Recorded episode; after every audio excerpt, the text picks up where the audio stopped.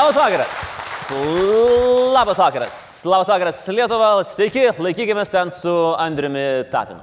Kasdieną prie mūsų prisijungia vis nauji žiūrovai. Laisvės televizijos YouTube kanalą jau prenumeruoja daugiau kaip 59 tūkstančių žmonių.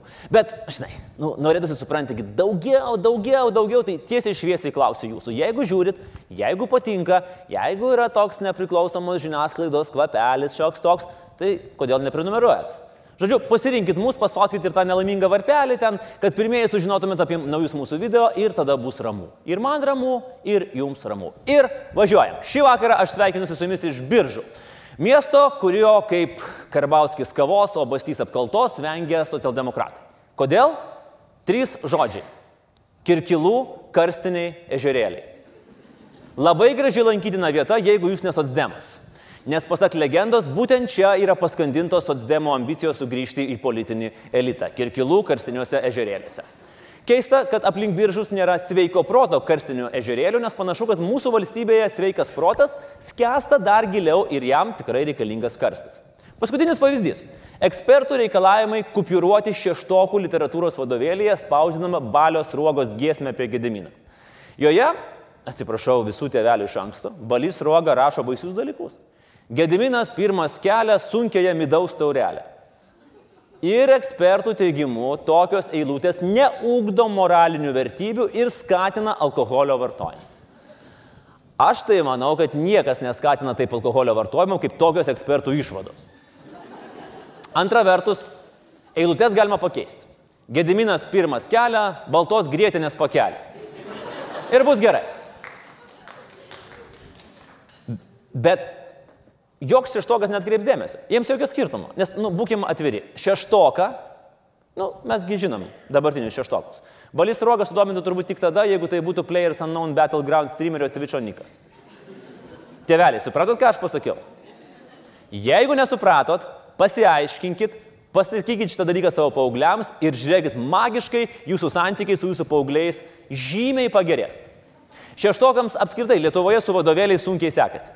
Štai čia yra ištrauka iš literatūros vadovėlio šeštai klasiai, kuriame vaikai skaito apie šešiametę mergaitę, kuri gyveno be tėčio. Nusilakavo mėlynai nagučius ir nuėjo į turgų. Pardavėjai nepatiko mergaitės nagučiai ir ji pasakė, kad šeima, kuri ją taip blogai auklėja, dar pasigailės.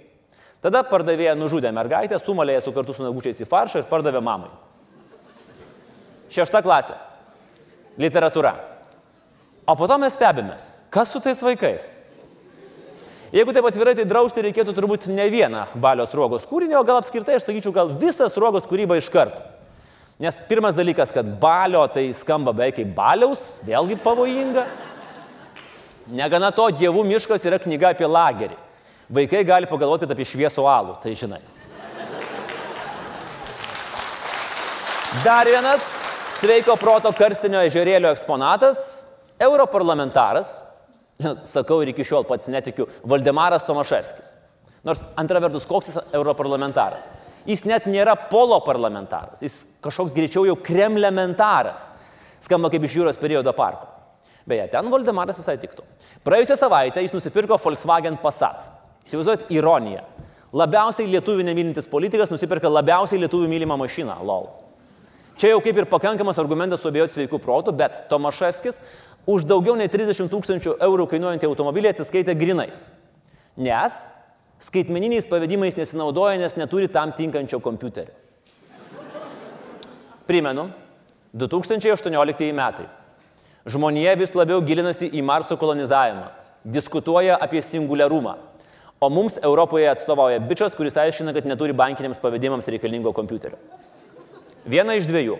Arba turime geriausią kosmonautų rengimo programą Europoje, Arba mūsų kremlementaras turi idėjų, jog gal neverta pavedimais pinigus vedžiot, gal geriau aš kešo atsiskaitysiu ir taip toliau. Va tokių idėjų reikia Lietuvai. Geriausia kosmonautų programa arba Volkswagen Passatai tik už grinus. Arba viešojo kalbėjimo kursai biržų merų. Idėjas Lietuvai, ponai, idėjas Lietuvai. O mūsų elitas ką? Sugalvojo tik Mokytojo presti, profesijos prestižiškumo 25 metais vienas, dvigubo pilietybė du ir pagalba jaunoms šeimoms įsigijant būstą ir biurokratijos mažinimas skaitmenizuojant valstybės paslaugas trys. Įkvepia. Nu, įkvepia dar ir sutapimas, kad visą tai galima rasti dabartinės valdžios rinkimų programoje. Sutikit, parama jaunoms šeimoms užtektų paprasto vyriausybės nutarimo. Dvigubai pilietybei, sėkmingo referendumo. Biurokratijos mažinimui gal tiesiog politinės valios. Nu, o mokytojo profesiją paversti prestižinę, čia tai reikia pinigėlių. Ir tada, kad kiekvienas mokytojas nusipirktų po naują pasatą, už grinuosius. Kas gali būti prestižiškiau už naują pasatą? Nieko. Prezidento rinkimai Lietuvoje irgi juda po trupučiuką. Ir daug kas taip pat skuba laidotis karstiniuose ežerėliuose. Pavyzdžiui, Žygis Paviljonis neseniai apskundė Gitaną Nausėdą jo darbdaviams Sebui. Maždaug parašė laišką. Mielas Sebe, Gitanas nori būti prezidentu, aš irgi noriu būti prezidentu. Padaryk ką nors, kad jis nebūtų prezidentu. O Vygudas Ušackas dėjo skelbimą, kad valdžia yra kalta, kad kainos kyla. Supras, kai aš Vygaudas būsiu prezidentas, tai kainos nebekils. Populizmo lygis virš 9000 ir darosi nebeaišku, kuris iš šių trijų vyručių yra tikrasis nevilties prezidentas. Lietuvoje kaip epidemija plinta nauja mytių banga ir vos ne kasdien į dienos šviesą iškyla po naują seksualinio priekabiavimo atvejį. Vienas žymesnių paskutinių atvejų - scenografės Simonos Biekšaitės liūdimas apie netinkamą teatro režisieriaus Jono Vaitkaus elgesį, kuris pasak jos išreiškė gydavimą pamatyti jos trikampėlį. Tema jautri ir tikrai neskubame anksčiau laiko teisti režisieriaus, tačiau jo sukurtų spektaklių chronologija sukuria tokią įdomią situaciją ir sukelia įvairias mintis. 79 metais spektaklis Mūsų žaidimai. Vėliau svarbiausia repeticija. Po to paklydėliai. Po to jau makakučio nuotikėjai. Po to dar kartą apie tą patį. Po to jau tas, kuris gauna antausius. Tai matyt, kai jau lindo ar gavo. Ir galų gale visuomenės priešas. Ir nieko nekomentuodamas dar priminsiu, kad vienas pirmųjų Vaitkaus režisuotų spektaklių vadinosi Karalius Jobas. Taip. O Vaitkaus paaiškinimas vertas ne tik spektaklio vargas dėl proto vardo, bet ir auksinio scenos kryžiaus visose kategorijose. Pasirodo, dėl noro pamatyti trikampėlį kalčiausiai yra rusai. Ir režisieriaus išreikštas pasipiktinimas, kad jie uždėjo ranką ant Krymo trikampėlio ir dėl to rusai dabar jam keršė. Vat tie trikampėliai. Kaip vat jie jaudina menininko vaizduotę. Užsimerkia menininkas ir jau mato nebe Malevičiaus juodą kvadratą, o juodą trikampėlį. Pitagoras taip įsiaudrino, kad net visą teoremą trikampėliui paskyrė. O kaip vairuot, ponai? Klausiu, kaip vairuot saugiai, kai prieš akis tokie vaizdai mirga ir ramybės neduoda? Tai susiaurėja, tai praplatėja tie trikampėliai. Bet žinot, yra sakoma, yra trikampis mailas, yra trikampis ir bukas. Naujienos iš Ukrainos, kur vėl vyksta dyvų dyvai, tiksliau Maldyvų dyvai. Žurnalistai išsiaiškino, kad šalies prezidentas Petro Porošenko metų pradžioje slapta atostogavo Maldyvose. Ne vienas, o su dešimties žmonių kompanija, patikrintais draugais, tarp kurių buvo ir generalinis prokuroras Jurijus Lucenk. Privačių lėktuvų, privačioje saloje, kaip žmonės, kultūringai, už pusę milijonų dolerių. Grįžus net nereikėjo pradinėti mūtinės patikrinimų. Keliauninkai labai stengiasi išvengti viešumos ir kelionėje vienas kitą vadino netikrais vardais. Pavyzdžiui, Petro Porošenko fantastiškai sumėtė pėdas ir kelionės metu vadinosi niekam neįkandamų ir neiššifruojamų slapy, slapyvardžių Mr. Petro Incognito from Ukraine. Neįtikėtina, bet žurnalistai sugebėjo išsiaiškinti, kas yra Petro Incognito from Ukraine. O prezidento atstovai iki šiol aiškinė, kad prezidentas apskritai nėra nekarto atostogavęs per savo kadenciją, vis dėlto pripažino, kad Porošenko buvo išvykęs trumpo vizito į Maldyvus. Na, neprofesionalu. Vizitui į Maldyvus dorai nepasiruošti. Ne Porošenka, o kaip sakoma, nepasiruošenka. Aišku, jį galima suprasti. Nu kas yra Maldyvai? Tai tas pats Krymas, tik be rusų. Nu tiksliau, iš rusų ten yra tik tai vat, tokie. Nu bet tiek Rusijos mes dar galim ištverti. Antra vertus, tai yra pamoka mūsų politikams. Vat šitie tai net normaliai pasikorumpuoti kelionėse nesugeba. Nu, vat, maksimum išvažiuoja trims dienoms paslidinėti per Seimo sesiją, nes, kaip sakė Kirkilų karstinio ežerėlių prižiūrėtojas Algirdas Sysas, paslidinėti yra šventas reikalas. O mums šventas reikalas atvykti ten, kur mes esam kviečiami - į biržus. Ypač, kai mus kviečia meras. Pirmas jo kvietimas e, buvo po gerbiamo mero pastebėjimo, kad biržų krašte ne vieta liberalizmo, homoseksualizmo ir pedofilijos propaganda. Meras kvietė avansu atvykti ir atvirai pabendrauti. Nu, mes kaip ir nei liberalai, nei tie kiti, bet nusakėm, būtinai atvyks. Antras kartas buvo po mero benefiso žymiojas Šiaurės vasaroje, kurią iki šiol atsimena nacionalinės premijos laureatai, nes kai kuriems po Šiaurės vasaros vis dar negali susičiaupti burna iš nuostabos. Nuodėmė būtų neprisiminti. kaip dabar tos knygos, ta literatūra jūsų, ši literatūra yra trumpalaikė, pavadinčiau, kaip greito maitinimo įstaigos, hamburgeriai, tai greito pasisotinimo įstaigos galima pavadinti, kur ir, ir taip gaunasi, kad mes tampame įspūdžių medžiotojais ir greitai pasisotinam, pavalgom, permegojam, vėl kitą dieną kažko vėl norisi.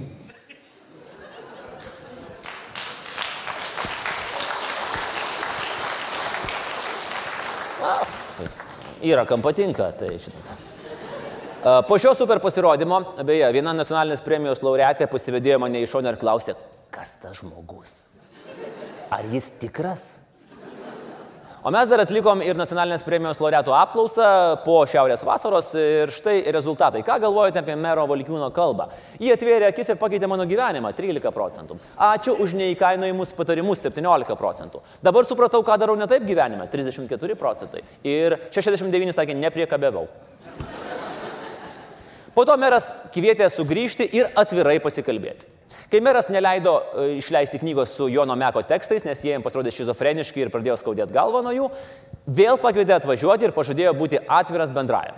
Ir kai jau mes susirošėm bendrauti ir nuoširdžiausiai kvietėm gerbiamą merą biržų čia tam žadėtam atviram pokalbiu apie politiką, apie literatūrą, apie meną, šitoje salėje paaiškėjo keturi dalykai.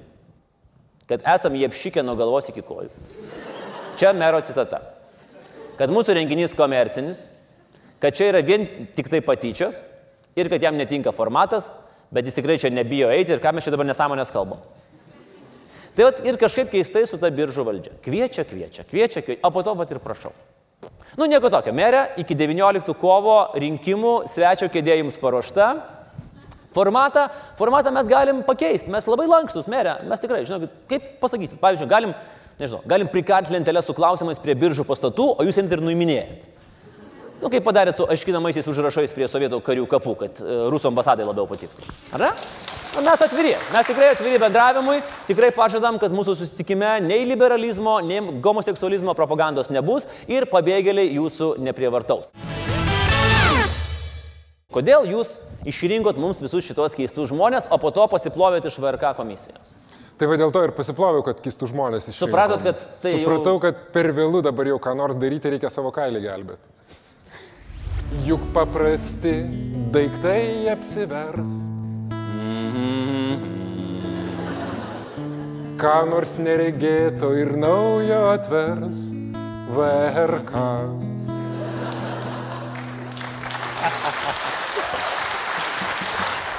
Žiūrėjai Naisių vasarą? Žiūrėjau. Kodėl? Kaip, prašau? Kodėl? Kodėl žiūrėjau? Taip. Viena vertus truputį reikėjo pažiūrėti. Ką reiškia truputį? Čia kaip, prirašė gydytojai ar čia? Čia prirašė VRK. VRK, okei. Okay. Ir kol rusas dar nežino, rodyk, rodyk, trikampėlį. Rodyk, rodyk, trikampėlį ir patyčia, ir toks kaip gerumas yra. Andriau, mamo, tavai mes tau dėkingi. Čia iš viso širdies. Du viename, iš tikrųjų, labai gerai. O šios dienos pagrindinė tema - patyčios. Jos ant bangos, jos leidžia pasijausti svarbiems, net ir tiems, kurių lėktuvas jau seniai nusileido, kurie vis dar ieško darbo, kurie vis dar rengia kas savaitinės spaudos konferencijas Seime, ar kurių agurkėlė jau senokai yra parūgę. Žodis patyčios portalo antraštėse pasirodo taip pat dažnai, kaip ir antraštės nustatė, kas verčia žmonės emigruoti, arba žvaigždutės X jaunystės paslaptis spausk ir sužinok. Naujasis atvejis patyčio auka tapo energingasis kultūros komiteto pirmininkas Ramūnas Karbauskis. Mama apdovanojimuose virtęs piktų klaunų. Ramūnas įsižeidė ir apkaltino GNG sindikatą dėmesio stoka ir bandymu išjoti ant vyriausiojo valstiečio populiarumo. Nesiginčysim. Vat kur kur, bet jojime ant svetimo arklo Karbauskis patirties turi. Į verslą atėjo su tėvuko know-how, į politiką atplasnojo su Prunskinės sparnais, o į pirmininko vietą liuoktelėjo ne dėl gandriuko, o labiau turbūt dėl sauliuko. Tai žmogus tikrai žino, ką sako. Būkim bėdni, bet teisingi. Beje, abu šitie patarlė žodžiai Ramūnui Karbauskiui yra visiškai netaikytini. Mūsų kultūros agronomas teisus. Žmonės dirbo žemę, pirko hektarus ir bėrė trašas dar tada, kai hip-hopo nebuvo. Mokslininkai nerado nieko panašaus į ENGIP sindikatą. Arčiausiai viso to galėtų būti nebent, nežinau, žemutinio Nilo duokim garo ir Luksoro kaimo kapela. Tai vienas nulis valstiečių naudų. Be to, dar pažiūrėsim, kaip šitie sindikato gudručiai gers alų savo vokiečių gatvėje, jeigu uždraustą alkoholį pardavinėti bus laikinų konstrukcijų kavinės. O sindikatas norėjo būti su valstiečiais draugais, jie norėjo grotnais jų vasaroje, netgi jie buvo įspėję vienoje dainoje Ramūną apie jam grėsiančias problemas. Polelytės veidų slėpėsi besija Per daug gera, kad galėtume į mesiją Svajoji besija, besija, gausi bėdą Įlankačius su kuo ir jie dėl to nekiek negėda Bet mama atvejis ne pirmas ir ne antras pirmininko biografijoje. Karbauskis ir patyčios atrodo, kad vienas be kito negali. Faktiškai Ramūnas Tristanas, patyčios Izolda. Neatskiriami kaip, nežinau, Katinas ir jo dėžutė, nacionalinės premijos laureatas ir priekabiavimas, lietuviai ir pesimizmas, ūkininkas ir rusiškos trašos, gražios moteris ir automobilių nuoma, Gedimino kalnas ir dubstepo judesys, žolė ir kaliuzė, Radžvilas ir liberalai. Va, kiek variantų.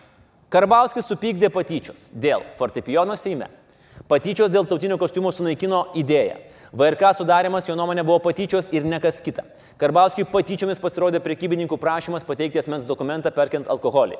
Tik patyčios iš Seimo išėdė greta. Ramūnas apgailestavo, kad dėl patyčių turėjo trauktis ir padėjėjai Milena. Vat sunku gyventi, kai aplink yra vien tik patyčios. Toliau, Ramūnas tiksliau jo piarščiukai pradeda šaudyti pro šalį. Kartais atrodo, kad su Ramūno piaru dirba daktaras Jekylas ir misteris Haidas. Vieną dieną jis aštriai puola nelabai norintis skaidėti nacionalinį transliuotoją, kitą dieną jau verkia dėl būtų ir nebūtų patyčių. Nu, tokia rusiška ruletė. Kartais pataikai dešimtuką, kartais savo į koją. Esame įpratę, kad politikai įsistato sutartinio mėsinio gyvuliuko akis ir sako, sio zakoną įstatymai neapeiti. Taip darė Algirdas Mykolas, taip darė dešimtis kitų. Esame įpratę, kad politikai stoja į trečią baleto poziciją ir sako, palaukim, kol viską atsakys atsakingos institucijos. Žiūrėti į atsakingas institucijas kaip į munduro skalbiklį ar bent jau nuobaudų minkštiklį yra senas triukas. Bet kad politikai imtų dangstytis vaikais, čia jau yra kažkas naujo. Mama apdovanojimus žiūri vaikai, ką jie pagalvos, sako pirmininkas. Gerbiamas valstiečių vadovė, jums turbūt bus naujiena, nes nu, su tuo internetu naisiuosi gal kiek kukliau, bet Lietuvos vaikai ir šiaip daug ką žino, girdi ir mato. Atkreipiam dėmesį, kad tie patys vaikai ir paaugliai mato, kaip Seimo narys putodamas reikalauja nuvaryti besilaukiančią kolegę nuo tribūnos. Mato, kaip ministras pirmininkas reikia, kad kitam parlamentarui kas nors užčiauptų burną. Mato ir girdi Artūrą Skardžių, kaip jis e, tiesiog mato ir girdi Artūrą Skardžių. Mato ligoninės maisto nuotraukas. Mato 24 valandas ir tave pagalba. Mato 202 valandas rusiškos produkcijos per nacionalinius kanalus. Dauguma kurios yra serialai apie maladės banditus. Mato ir tai. Jezus, o Jezus. Tik tu šnapsą geri, kiek? Na nieko negeri. Šnapsą gerkit. Tiesa, šitie vaikai kurį laiką nematys, nes žaibiškai sureagavusi policija į šitą fantastišką Facebook'o live transliaciją atvažiavo ir juos išsivežė iš tos lindynės. Tai dar vienas geras žodis mūsų pareigūnų adresu. Ir va čia jums vaikais rūpintis nereikia. Bet raudonai padažyta nosytė, viskas, vaiko psichika palaužta, likimas sulaužytas, ateitis kolonijoje, karta prarasta. Ne, kiti dar dalykai, pagalvokit dar apie kitus dalykus. Žalgirio rungtynės. Tai ten iš viso yra lošinimas vaikų. Šarūnai baigi šaukti ant Milaknio, nes vaikai pamatys. Šarūnai baigi šaukti ant teisėjų, nes vaikai pamatys. Šarūnai baigit šaukti ant visų. Nors, at, pavyzdžiui, kai šaukia Šarūnas, kad vaiko gimimas geriausia, tai tada kažkaip susibalansuoja viskas. Dar skubiai turi būti padidintos baudos už persirikimą iš vienos juostos į kitą prieš tai neparodžius posakio, nes vaikai pamatys. Patys išmoks. O kas bus, jeigu jie dar mašinoje sėdės, kuri persirikios be posakio? Tai tarsi kaip pasyvus rūkimas. Tai vat, vaikai pasyviai reikiuosis be posakio. Kodėl apie tai negalvoja pirmininkas? Ir žinoma, nepamiršim, kad vaikai mato Lietuvos futbolo rungtynes, mato bandančius patekti į Euroviziją ir ma mato duodančius garo. Kartais atrodo, kad besirūpinantis mūsų vaikais yra patys mažiausiai subrendę turėti vaikų ir jiems kažką aiškinti, nes suvokimas apie realybę yra panašus kaip pat štai šito bičio.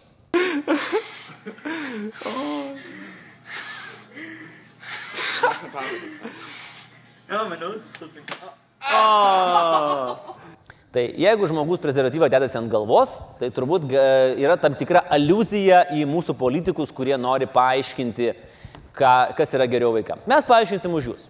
Nebus lengva. Paaiškinti įžeidžiam politikui, kuo patyčios skiriasi nuo satyros ir kritikos, yra tas pats, kas kanibalai tikinti, kad svarbiausia maiste vengti glitimo. Patyčių istorija pati, sena kaip žmonijos. Visais laikais buvo tokių, kurie nemėgdavo kitų. Dažniausiai dėl pavydo, apmaudo ir pykčių. Gandis tyčiojosi iš Britų imperijos. Ronaldas Reiganas tyčiojosi iš Sovietų sąjungos. Vytautas Didysis atvirai trolino kryžiuočių ordiną su Žemaityje. Imkite, imkite žemaičius, va, žiūrėkit, va, žiūrėkit, čia, jo rašau, juodo ant balto rašau, or, imkite žemaityje. Čia jūsų tikrai, imkite, imkite. Lol. Ar įsivaizduojate, pavyzdžiui, kiek patyčių sulaukė Kolumbas, kai vietoje Indijos atrado Ameriką? Viduramžių portalų komentatoriai iš proto ėjo. Marija Antonetė dėl patyčių visai galvą pametė. Ir pamažu patyčios po truputį, po truputį ėmė, jeigu nenykti, tai bent jau visi suprato, kad tai nėra gerai. Žinoma, dabar atsirado kita problema - antipatyčios. Kaip šiais laikais jausis kokiam nors klasės huliganui, nu žinot, tam, kuriam pirmam pradėjo želti plaukai panosį ir paslėpsniuose, kuris pirmas visus praaugo galvą ir bicepsais ir kuris taikliausiai pataiko plytą į katiną. Žinot, kai įeinate į klasę, pasižiūrite į galinį suolą ir būtinai rasite ten tokį personažą, kuris arba galvoja apie pašalpas jau, arba bando peiliu išražyti ant stalo žodį, kuris prasideda B ir baigėsi S, bet ne balandis. Nors raidė I irgi ten yra. Anksčiau toks jaunuolis mokykloje persikėdavo ir tyčio- tyčiodavosi iš silpnesnių, šventai tikėdamas, kad tai bus visą jo mielą gyvenimą. Dabar netgi jis, panikuodamas, supranta, kad nebus. Ir tas paliegęs atškarikas, nedaug dievė, tuoj sukurs kokį nors startupą, išleis kriptovaliutą ir su to kompu pridarys tiek pinigų, kiek jam niekada gyvenime nesišviečia. Na, nu, vėlgi, šiomis dienomis būkim bėdini beteisingi, trašos atrodo patikimiau negu kriptovaliutos. O dičkas ir toliau krapštys narglį, bliaus kažką apie migraciją ir Facebooką paustins ne savo BMW nuotraukas. Ir natūralu, kad prie to apmaudo ir pykčio, kuris kyla jau dabar, prisidės dar ir pavydas avansų. Ir tai gali išspręsti turbūt tik tai toks švietimas, kuris padėtų kiekvienam surasti padorę padėtį gyvenime ir dėl jos galėtų kaltinti tik save arba girti, o ne kitus. Bet tokia švietimo sistema egzistuoja kažkur, nežinau, tolimoje ateityje, maždaug panašioje epochoje, kai lietuviai imsis Marso užkariavimo, arba Dailės akademijoje niekas nebepriekabiaus prie studenčių ir neprašys parodyti trikampiukų. Būkim realistais. Užteks mums Marso užkariavimo, jau bus pasiekimas. Kiti du jau bus sunku, sunku su jais. Apsitarkim, kas yra patyčios ir kuo jos skiriasi nuo satyros ir kritikos. Ar satyra gali pavirsti patyčią? Įsivaizduokim du butelius. Vienas odekolonas trojnoj, kitas normalus geras viskis. Tarp patyčių ir satyros vat, yra maždaug toks pats santykis kaip tarp šitų dviejų skyščių. Iš pažiūros vienas skirtas kvėpintis, kitas ragauti. Nu, bet vat, būna, kad žmonės pirmą įima gerti, o antruoju kvėpintis. Arba abu du gerti. Tik skirtumas, kad netinkamai naudojamas pirmasis veda į bėdas, na, o antrasis tik į nustebusi kolegų klausimą, kodėl tu smirdi kaip bravoras. Bet čia praktika. O dabar šiek tiek teorijos. Įsivaizduokime, patyčios gali būti tiesioginės ir netiesioginės. Netiesioginės tai kai žmogus atskiriamas nuo grupės, su juo nebendraujama, prieš jį kurstama neapykanta. Nu, mūsų atveju galbūt sakyčiau Rolandas Paksas visiškai būtų ti- ti- ti- tikriausias variantas. Tiesioginės patyčios skirstome į keturias grupės. Žodinės, fizinės, socialinės ir elektroninės. Fizinės patyčios, na tai čia paprasta. Tave kažkas apspjauna.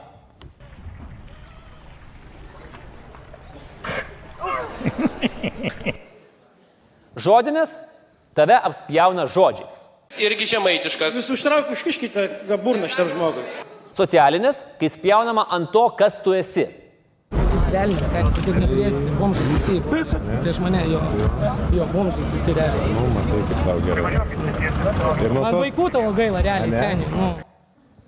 Ir elektroninės, kai spjaunama klaviatūros pagalba. Na, jos turbūt pačios populiariausios.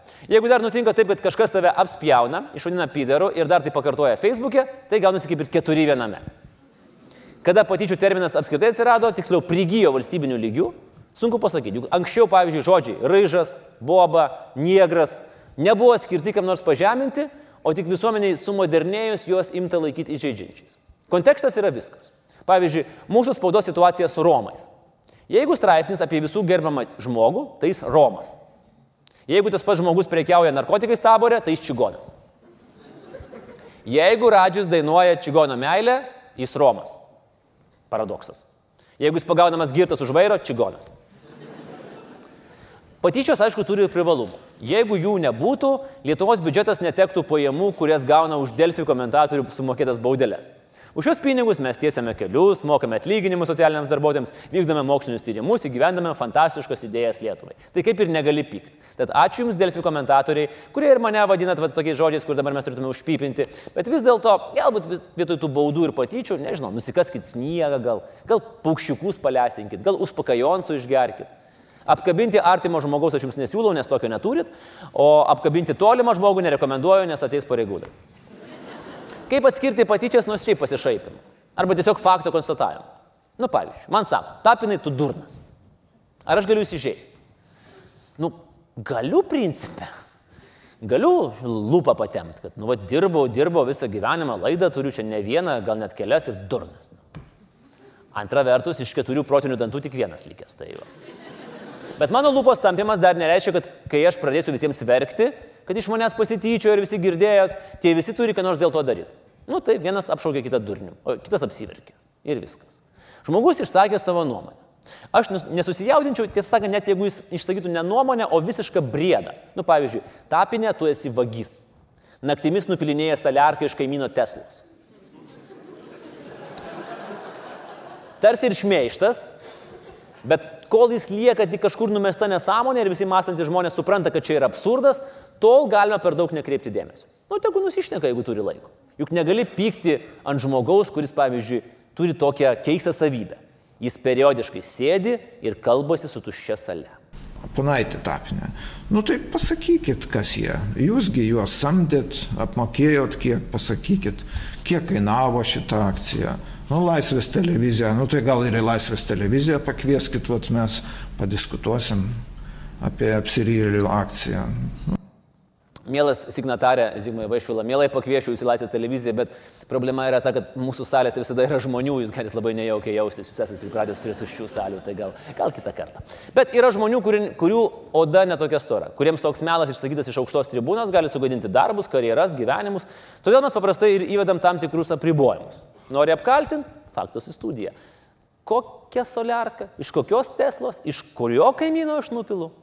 Jeigu nėra faktų, kompensuojam mano garbę ir rūmą, na, Patreon platformoje, ar ne? Arba jeigu nėra šmeišto, bet yra noras pažemė. Na, pavyzdžiui, vienas žmogus man sakys, tapinė tu durnas, vien norėdamas parodyti be jokio pykčio mano intelektinių gabumų ribas. Nu, jam tai atrodo. Nu, jis įsitikinęs, kad tai faktiškai ir yra. O kitas taip pasakys, tikėdamasis, kad aš ne tik lūpą patemsiu, bet dar ir sugniučias padėsiu pareiškimą ant stalo ir nueisiu gyventi po tiltu. Ir pirmo atveju aš negaliu pykti, o antru atveju turbūt žmogui reikia pasakyti, klausyk, agirčiai, nu negalima žeminti žmogaus, nes tikrai nueis po tiltu. Ir aišku, toks jautresnių žmonių saugojimas irgi tam tikrą prasme turi savo ribas. Nes tada jis virsta perdėtų politiniu korektiškumu, kuriame apskritai sunkiai įmanomas bet kokios aštresnės nuomonės reiškimas. Nes visada atsiras grupė, kuri iš karto įsižeis. Pavyzdžiui, e, situacija. Užpernai Amerikoje Mount Holyoke menų koledžas uždraudė statyti spektaklį Vaginos monologus kaip nejautrius žmonių be vaginų atžvilgių. Vyrai, matot, yra kas mūsų irgi užjaučia. O Kanados miestas Tisdeilas, ilgą laiką garsėjęs rapsais ir medumi, neseniai pateko į panašiai jautrių žmonių nemalonę dėl savo šūkio Land of Rape and Honey. Mat, rapsas angliškai yra rape seed. Ir dėl to jis turėjo pakeisti šūkį į Where Opportunity Grows, kuris yra vienodai politiškai korektiškas ir Tisdeilui, ir, sakykime, biržoms. Nes, na, nu, čia tikrai netinka Land of Rape and Honey. Taip? Žodžiu, ten, kur baigėsi saikas, prasideda patyčios iš sveiko proto. Bet ar nuo to lengviau kokiam nors mažiui, iš kurio diškiai atiminėja centus ir dalina spriktus? Kaip su patyčiomis kovoti? Vienas turbūt patikrintas būdas, kaip ir su kitomis negandomis. Patikrintas variantas. Per savaitę be patyčių užtėtant savo Facebook'o sienos grotažymę aš prieš patyčias. Viskas, labai veikia, patyčių nebelieka. Žinoma, aš jau minėjau skiriamas piniginės baudas, teistumus ir panašiai, bet noras tyčiotis iš kitų neatsiranda mums suaugus. Patyčių šaknis yra mokykloje. Ne vienas iš mūsų esame susidūrę su toksiška mokyklos aplinka, o daugelis vaikų toje realybėje gyvena kiekvieną dieną. Buvo situacija, kai kurios mokyklos stengiasi ir, pavyzdžiui, viena Vilniaus progymnazija vykdo nuolatinės apklausas.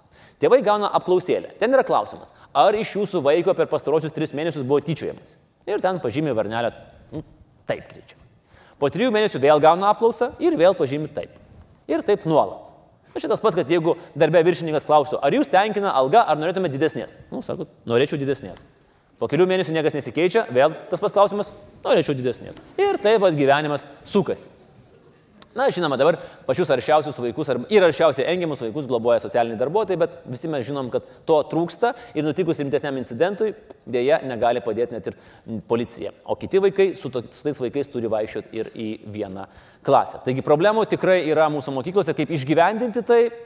Pradžioje turbūt reiktų pradėti nuo savęs, kaip mes bendraujame šeimoje, artimoje aplinkoje. Žinot, kaip būna. Vienas tėvas sunums duoda diržo, kitas po 3 milijonus eurų žemę nusipirka. Ir vat neaišku, kuris geresnis nes matom, kas užauga. Patys pagarbiai kalbėdami su kitais ir apie kitus mokame vaikus tinkamų elgesio. Pastebėjus patyčias, turėtume aiškiai parodyti, kad mes jom nepritarėm.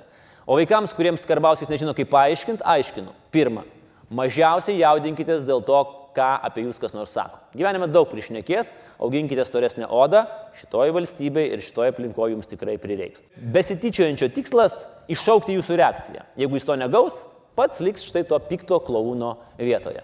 Ir kai jau išmokote apginti save, apginkite ir kitus. Nelaukit, kol apgins valdžia. Paklauskit Vilniaus dailės akademijos studentų, kurios lyg ir turėjo ginti Akadės vadomybę. Nelabai jinai ten ir gynė. Na, o dėl valdžios, baltai siūlai siūvat, ponai. Prisidengsim vaikus, juos pas mus visi myli, net jį muša, vis tiek myli, apsimesim tokiais skriaudžiamais, tokie help, ratunkų, help, help, žiūrėkit, kaip mus skriaudžia. Šį kartą prisidengia vaikais. Kiek anksčiau dangstėsi genitalijų fotografijos neįgalumų. Kaip vadinamas žmogus, kuris dangstosi vaikais ir kito žmogaus neįgalumu? Bailys. Dabar klausimas. Sakyt, kad Ramūnas Karbauskis yra bailys, čia satyra ar čia patyčios? Ne viena, nei kita. Čia teisybė.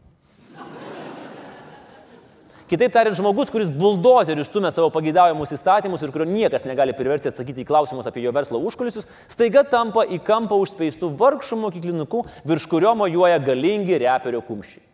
Ne, dabar aš tikrai suprantu, kad jis ne tik mane, jis mūsų visus durniais laiko. Valdžia iš principo negali būti patyčių objektas, kadangi valdžia dėja mūsųse vis dar yra aukščiau už visuomenę. Valdžia sprendžia, visuomenė rūko kampe. Valdžia leidžia įstatymus, visuomenė bamba Facebook'e. Valdžia išsikelinėja Seime, visuomenė emigruoja. Na, o liekantis sako, Seimo nario Lino Balsio ir Minėdos Kardžio Balsio, o per šmeišto tamsų rūką gynė jis kestutį pūką, kiek anksčiau išgirdęs tychą, gynė jis ir uspaskychą. Ir vienintelė priemonė, kuri lieka tai visuomeniai, neskaitant kartą per ketverius metus pasitaikiančių rinkimų, tai valdžios kritika ir jos veiksmų satyra. Manot, kad tas šokančio klauno iš Steveno Kingo it buvo patyčios? O kaip jums, pavyzdžiui, humoristo Bilo Maherio atsakymas Donaldui Trumpui, kitas visur ieškojo Obamos sertifikatų gimimo. Maheris pasiūlė Trumpui pristatyti savo gimimo liudymą, kuris įrodytų, kad jo tėvas nėra orangutangas. Beje, Trumpo garbė jis tokį liudymą pristatė. Čia jau daug arčiau patyčių, nei viskas, ką kol kas teko išgirsti apie save Lietuvos politikams. Bet jie vis tiek inkščia, skundžiasi ir stena. Todėl jeigu jau davėm vaikams tris patarimus, kaip išvengti patyčių, duokime ir politikams. Pirma, atraskite savyje bent žiupsnelį, nu bent tiek autoironijos ir humoro. Tai gyvenime pravers daug labiau negu disertacijos ar hektarai. Antra, mažiau krėskit nesąmonių ir nustepsit, kaip sumažės reakcijos iš šias nesąmonės. Ir trečia, jeigu norėjote ramaus gyvenimo, kokio velnio atėjot mūsų valdyti. Čia lik pragulėjo 6 valandas paplūdimėje be kremo ir po to piktinatės, kad įdėgėt ir skauda. Ir jeigu jūs nors vieną, nors vieną iš tų patarimų išklausysit iki galo, nebereikės jums tyčiotis iš jaunos mūsų demokratijos.